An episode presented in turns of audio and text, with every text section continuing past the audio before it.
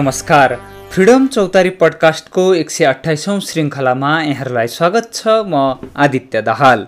आज हामी सूचनाको हक भनेको के हो यसलाई अन्तर्राष्ट्रिय रूपमा कसरी मनाउँदै आएको छौँ र नेपालमा पनि सूचनाको हकको अवस्था यसको चुनौती र अबको बाटो के छन् भन्ने विषयमा केन्द्रित रहेर छलफल गर्दैछौँ।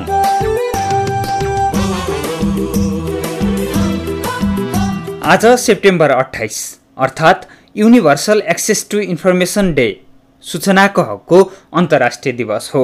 यसलाई आज हामी मनाउँदैछौँ। यस सन्दर्भमा यो अन्तर्राष्ट्रिय दिवसको संस्थापना गर्ने फोयानेटका एक सदस्यका रूपमा फ्रिडम फोरमका प्रमुख कार्यकारी तारानाथ दाहाल यस दिवसको बारेमा भन्दै हुनुहुन्छ।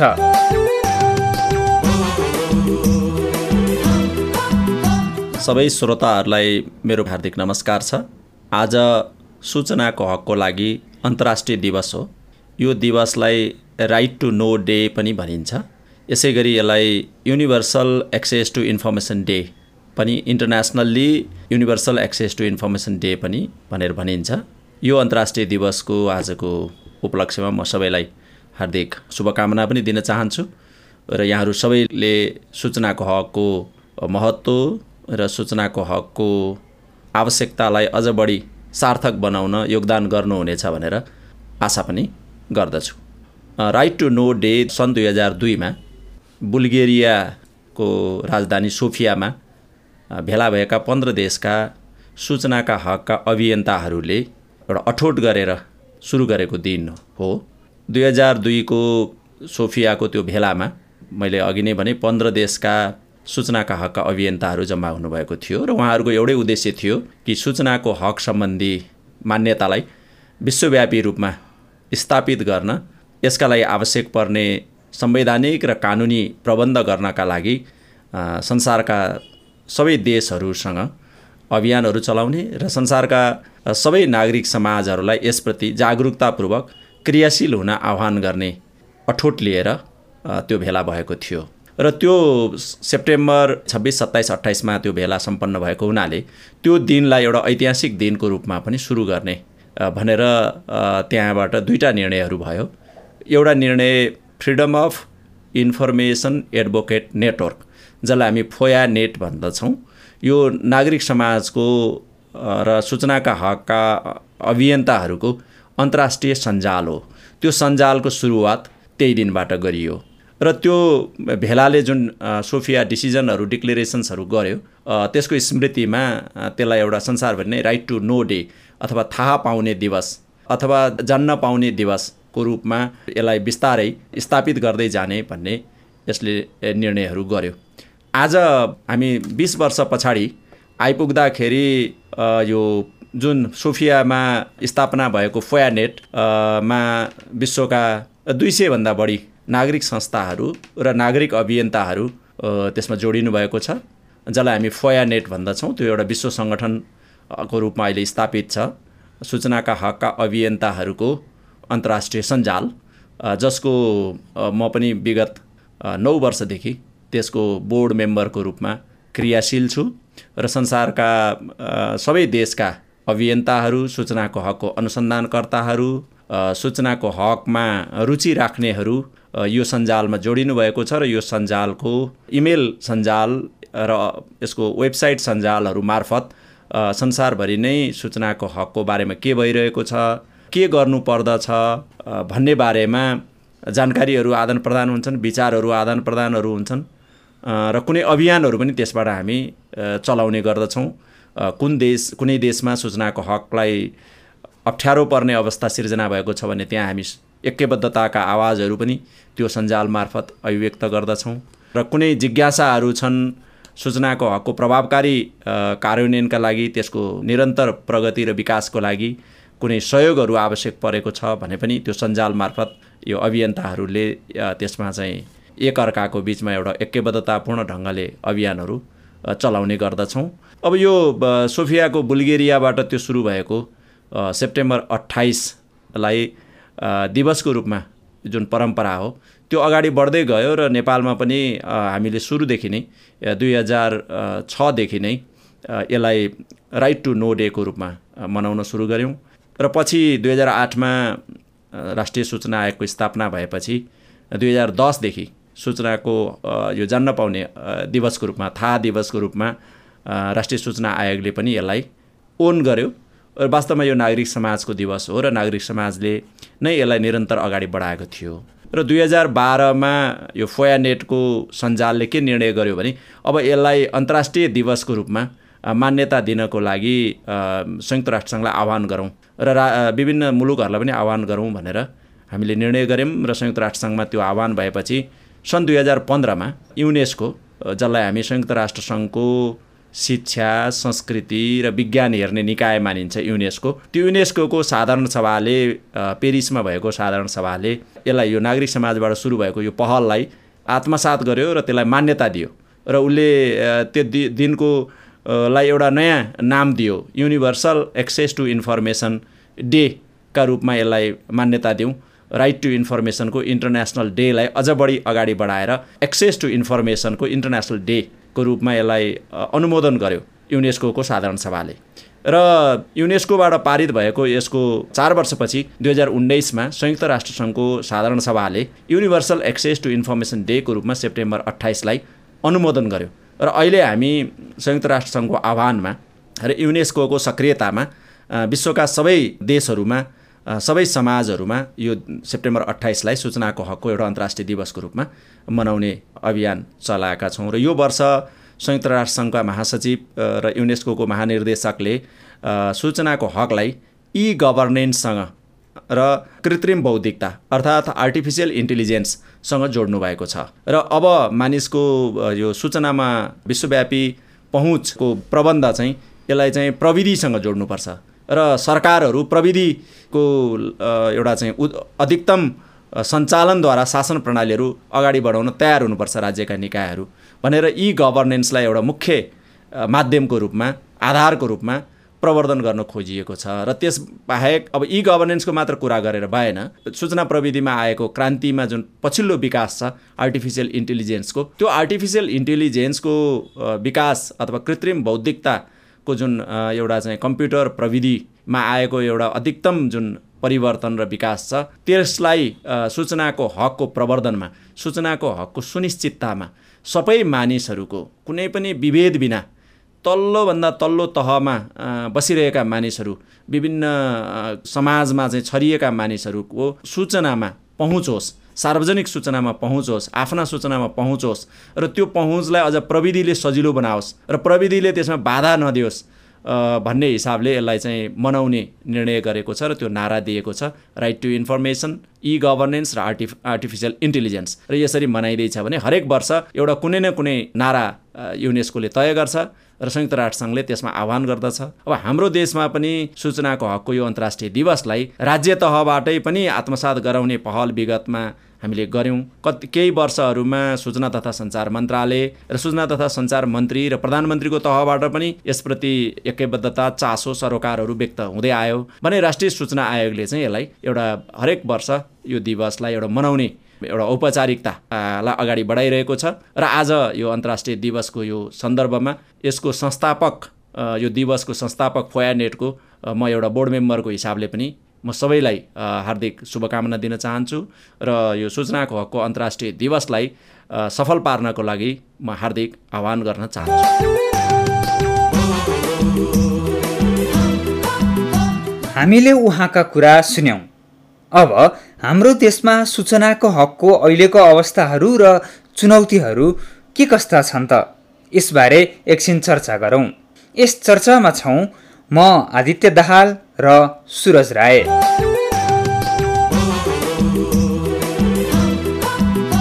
नमस्कार म आदित्य दाहाल। र म सुरज राय। आज हामी यस फ्रिडम चौतारी पोडकास्टमा नेपालमा सूचनाको हकको अवस्था चुनौती र अगाडिको बाटोको बारेमा छलफल गर्दैछौँ यस सन्दर्भमा म आदित्यजीलाई नेपालमा सूचनाको हकको अवस्था के छ त बताइदिनलाई आग्रह गर्छु। धन्यवाद सुरज। सूचनाको हकको अवस्थाको बारेमा भन्नुपर्दा आजभन्दा बत्तिस वर्ष अगाडिदेखि यो सूचनाको हकलाई चाहिँ मौलिक हकको रूपमा नेपालमा आएको हामी पाउन सक्छौँ। त्यसै गरी सूचनाको हकको ऐन निर्माण भएको चाहिँ दुई हजार चौसठी सालमा हो। यस अगाडिका संविधानहरू भन्नाले दुई हजार सडचालिस सालमा धारा सोह्रमा र अन्तरिम संविधान दुई हजार त्रिसठीको धारा सत्ताइसमा पनि सूचनाको हकको बारेमा उल्लेख थियो। नेपालको संविधानले यसलाई नागरिकको चाहिँ सूचना माग्ने र प्राप्त गर्ने संवैधानिक हक हो भनेर यसलाई व्याख्या गरेको अवस्था छ। सूचनाको हकको ऐन बनेको पन्ध्र वर्ष बितिसकेको छ। यो अवस्थासम्म आइपुग्दा सूचनाको हकको कानुन बनेको पन्ध्र वर्ष बितिसक्दा पनि यसको प्रभावकारी कार्यान्वयन भने हुन सकेको अवस्था छैन। नागरिकले यसलाई सूचनाको हक प्रयोग गर्नुपर्छ भन्ने नागरिकको तल्लो स्तरसम्म पनि यो हकको बारेमा त्यति जानकार रहेको हामी पाउन सक्दैनौँ। सूचनाको हकलाई जानेर पनि प्रयोग नगर्ने पनि धेरै नागरिकहरू हुनुहुन्छ। सूचनाको हकको प्रयोगले के हुन्छ? सूचनाको हकको प्रयोगबाट कस्तो फाइदा हुन्छ? सूचनाको हकको प्रयोगबाट के जानकारी लिन सकिन्छ भन्ने विषयमा पनि यसमा केही ज्ञान हामीले बाँड्नु जरुरत छ अथवा नागरिक स्तरसम्म यो कुरा चाहिँ पुर्याउन आवश्यक देखिन्छ। विगत पन्ध्र वर्षमा कुरा गर्ने हो भने सूचना मागको तथ्याङ्क के छ भन्ने विषयमा नै अन्यल छ। कति नागरिकले कति सूचना मागे नागरिकले कति सूचना पाए अथवा नागरिकले कति सूचना पाएनन् भन्ने विषयको एकीकृत तथ्याङ्क पनि अहिले हामीसँग छैन। अहिले हामीले यो सूचनाको तथ्याङ्क खोज्यौँ भने पनि एकीकृत रूपमा यो सूचना पाउन सक्ने अवस्था छैन। सूचना नदिएको भनेर राष्ट्रिय सूचना आयोग समक्ष जाने पुनरावेदन अथवा उजुरी त छँदैछ। त्यो एउटा फरक डाटा भयो तर समग्रमा सूचना मागको डाटा सूचना पाउने पाएको डाटा र सूचना नपाएको डाटा के कस्तो छ भन्ने विषयमा चाहिँ अझै पनि हामीसँग एकीकृत डाटा रहेको अवस्था छैन। र जुन सूचनाको हक सम्बन्धी ऐनमा व्यवस्था भएको स्वत खुलासा गर्नुपर्ने सूचनाहरू छन् यी सूचनाहरू पनि सार्वजनिक निकायले त्यति स्वत खुलासा गरेको पाइँदैन। यसमा सूचनाको हकले नै व्यवस्था गरेको कानुनको पालना नगरेको एकदमै धेरै देखिन्छ यसमा।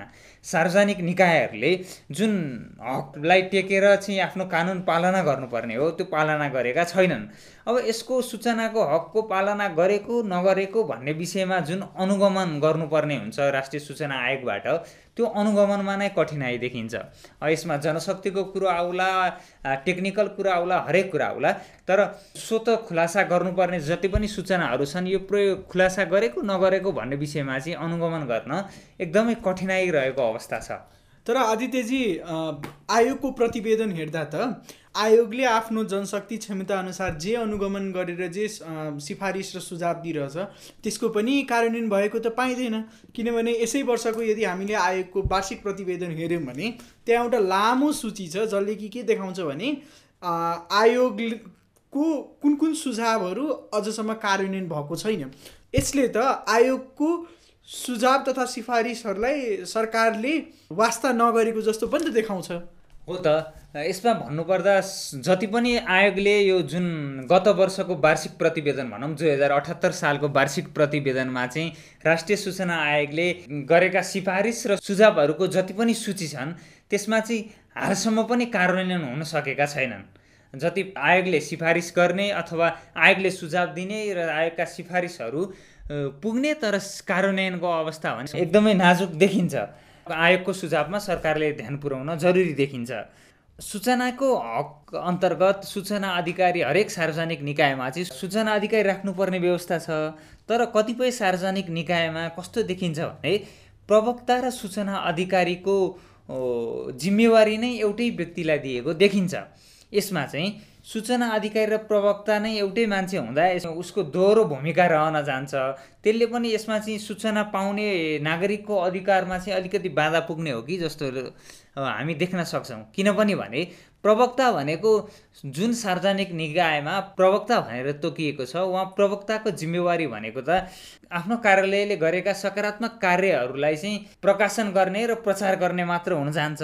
र सूचना अधिकारीको भूमिका भनेको चाहिँ त्यहाँ नागरिकले माग गरेका सूचना र स्वत सार्वजनिक गर्नुपर्ने सूचनामा जे जति डाटा आउँछन् अथवा जे जति सूचना माग गरिन्छ त्यो सबै दिनुपर्ने भूमिकामा सूचना अधिकारीको हुन्छ।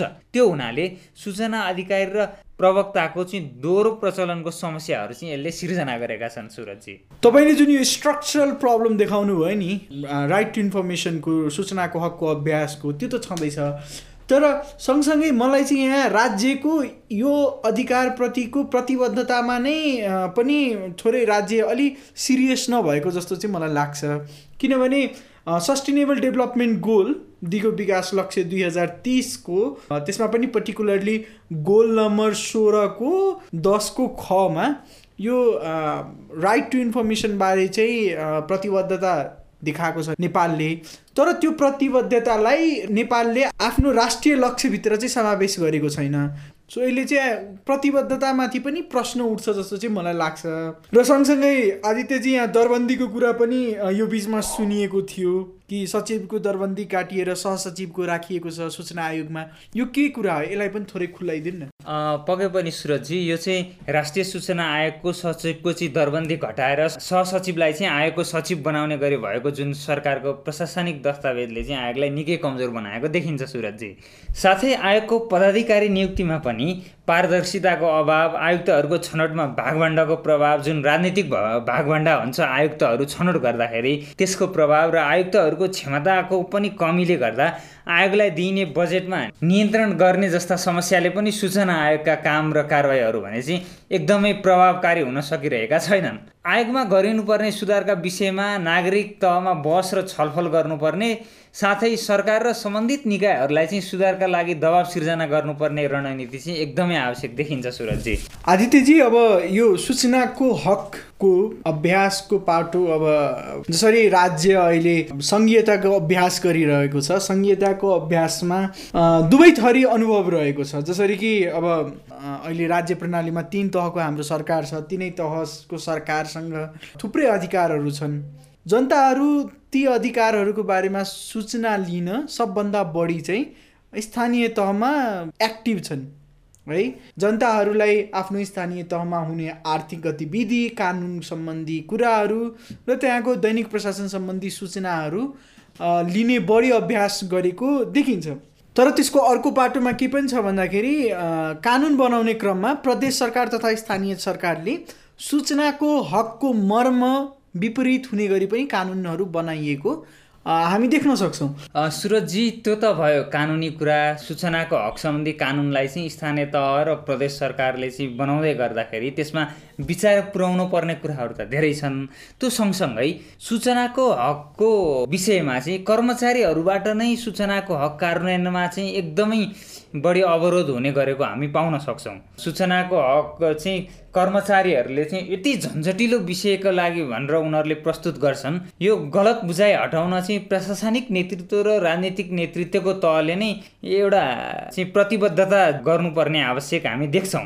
यसमा संरचनागत समस्याहरू समाधान गर्ने गरी एउटा क्याम्पेनको रूपमा नै आफूलाई प्रस्तुत गर्न सकेमा असहज वातावरण सुधार आउने थियो। तर प्रशासनिक र राजनीतिक नेतृत्व नै पारदर्शिता बढाउने भन्दा बरु पारदर्शिता छोप्नको लागि चाहिँ सूचना नदिने र सूचनामा कसरी अवरोध पुर्याउन सकिन्छ भन्ने विषयमा चाहिँ उक्साहाट भएको पाइन्छ।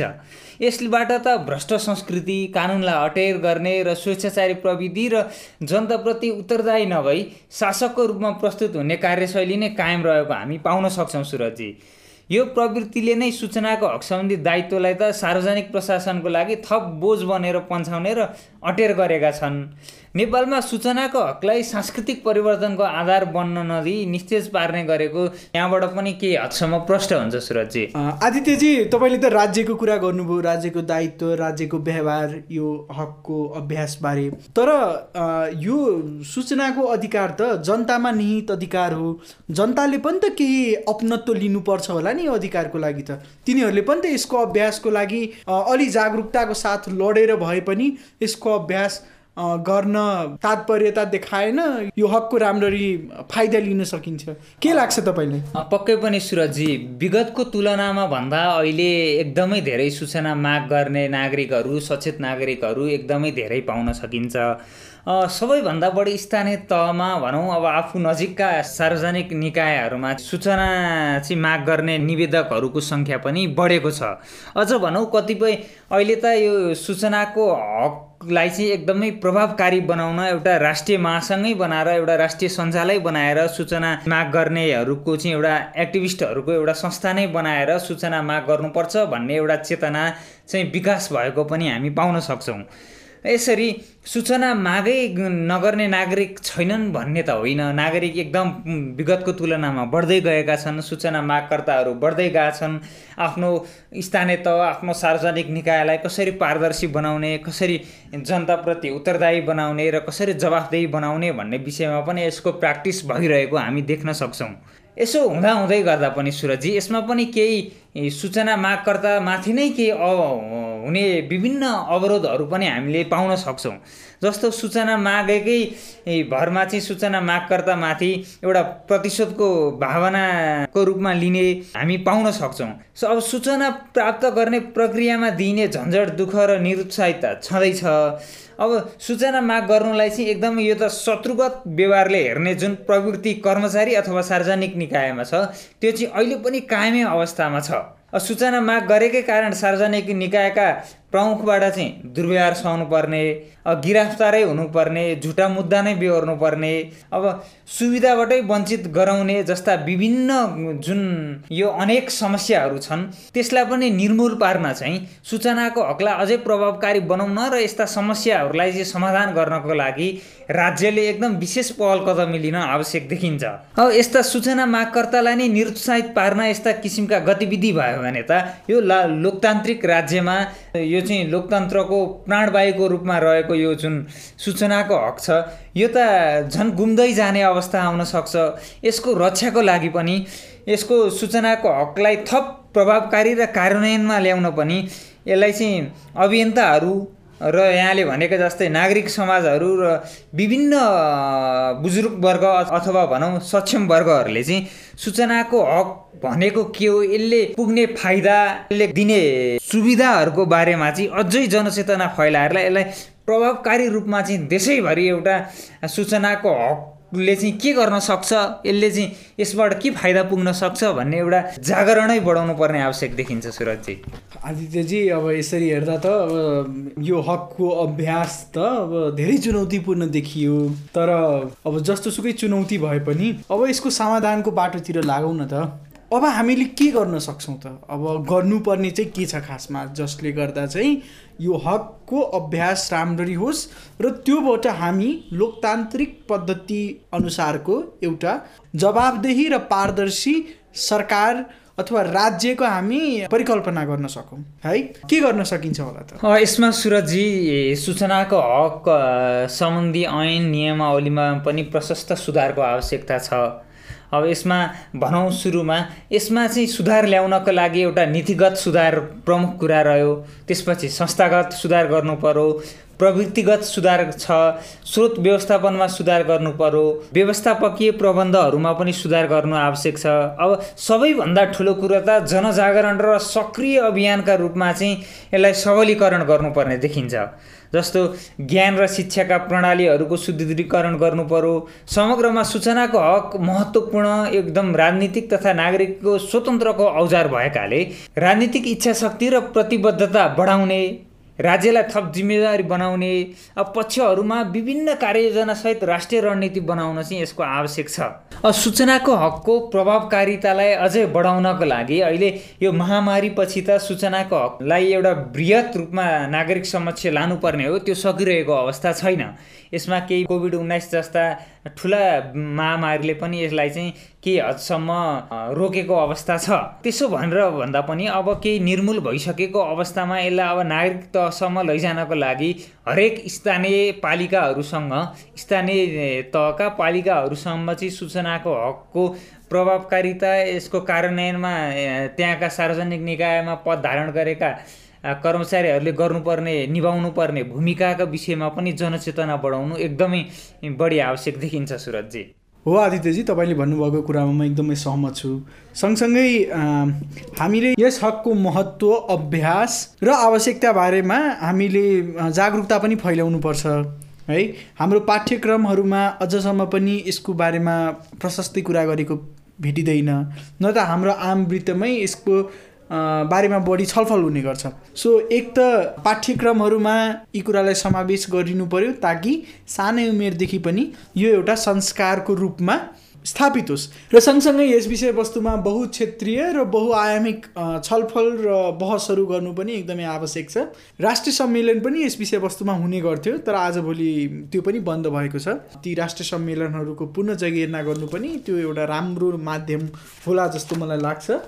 पक्कै पनि सुरजजी सूचनाका हकका अभियन्ताहरू बिच चाहिँ सहकार्य बढाउनु पर्ने आवश्यक छ ऐक्यबद्धता सिर्जना गर्नुपर्ने सुरक्षाका चुनौतीहरूको मिलेर सामना गर्नुपर्ने र साझा धारणा बनाएर सूचनाको हकको क्षेत्रमा चाहिँ अध्ययन अनुसन्धानको पहलहरू गर्नुपर्ने आवश्यक छ।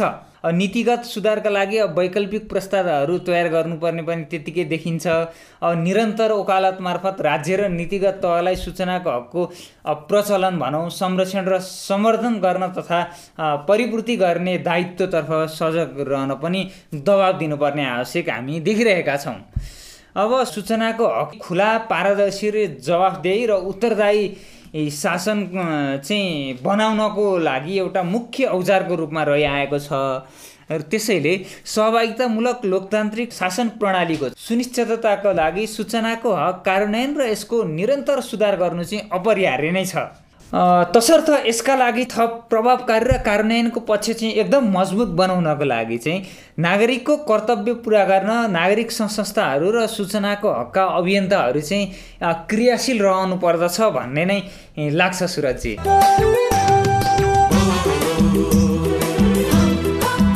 यहाँहरूलाई आजको पडकास्ट कस्तो लाग्यो? केही सल्लाह सुझाव र प्रतिक्रियाहरू छन् भने फ्रिडम फोरमको टेलिफोन नम्बर शून्य एक चार दस बिस बाइस र email freedom forum two thousand five at the rate Gmail dot com अर्थात् एफआरइइडिओएम एफओआरयुएम two zero zero five at the rate Gmail dot com मार्फत पनि प्रतिक्रिया जनाउन सक्नुहुन्छ।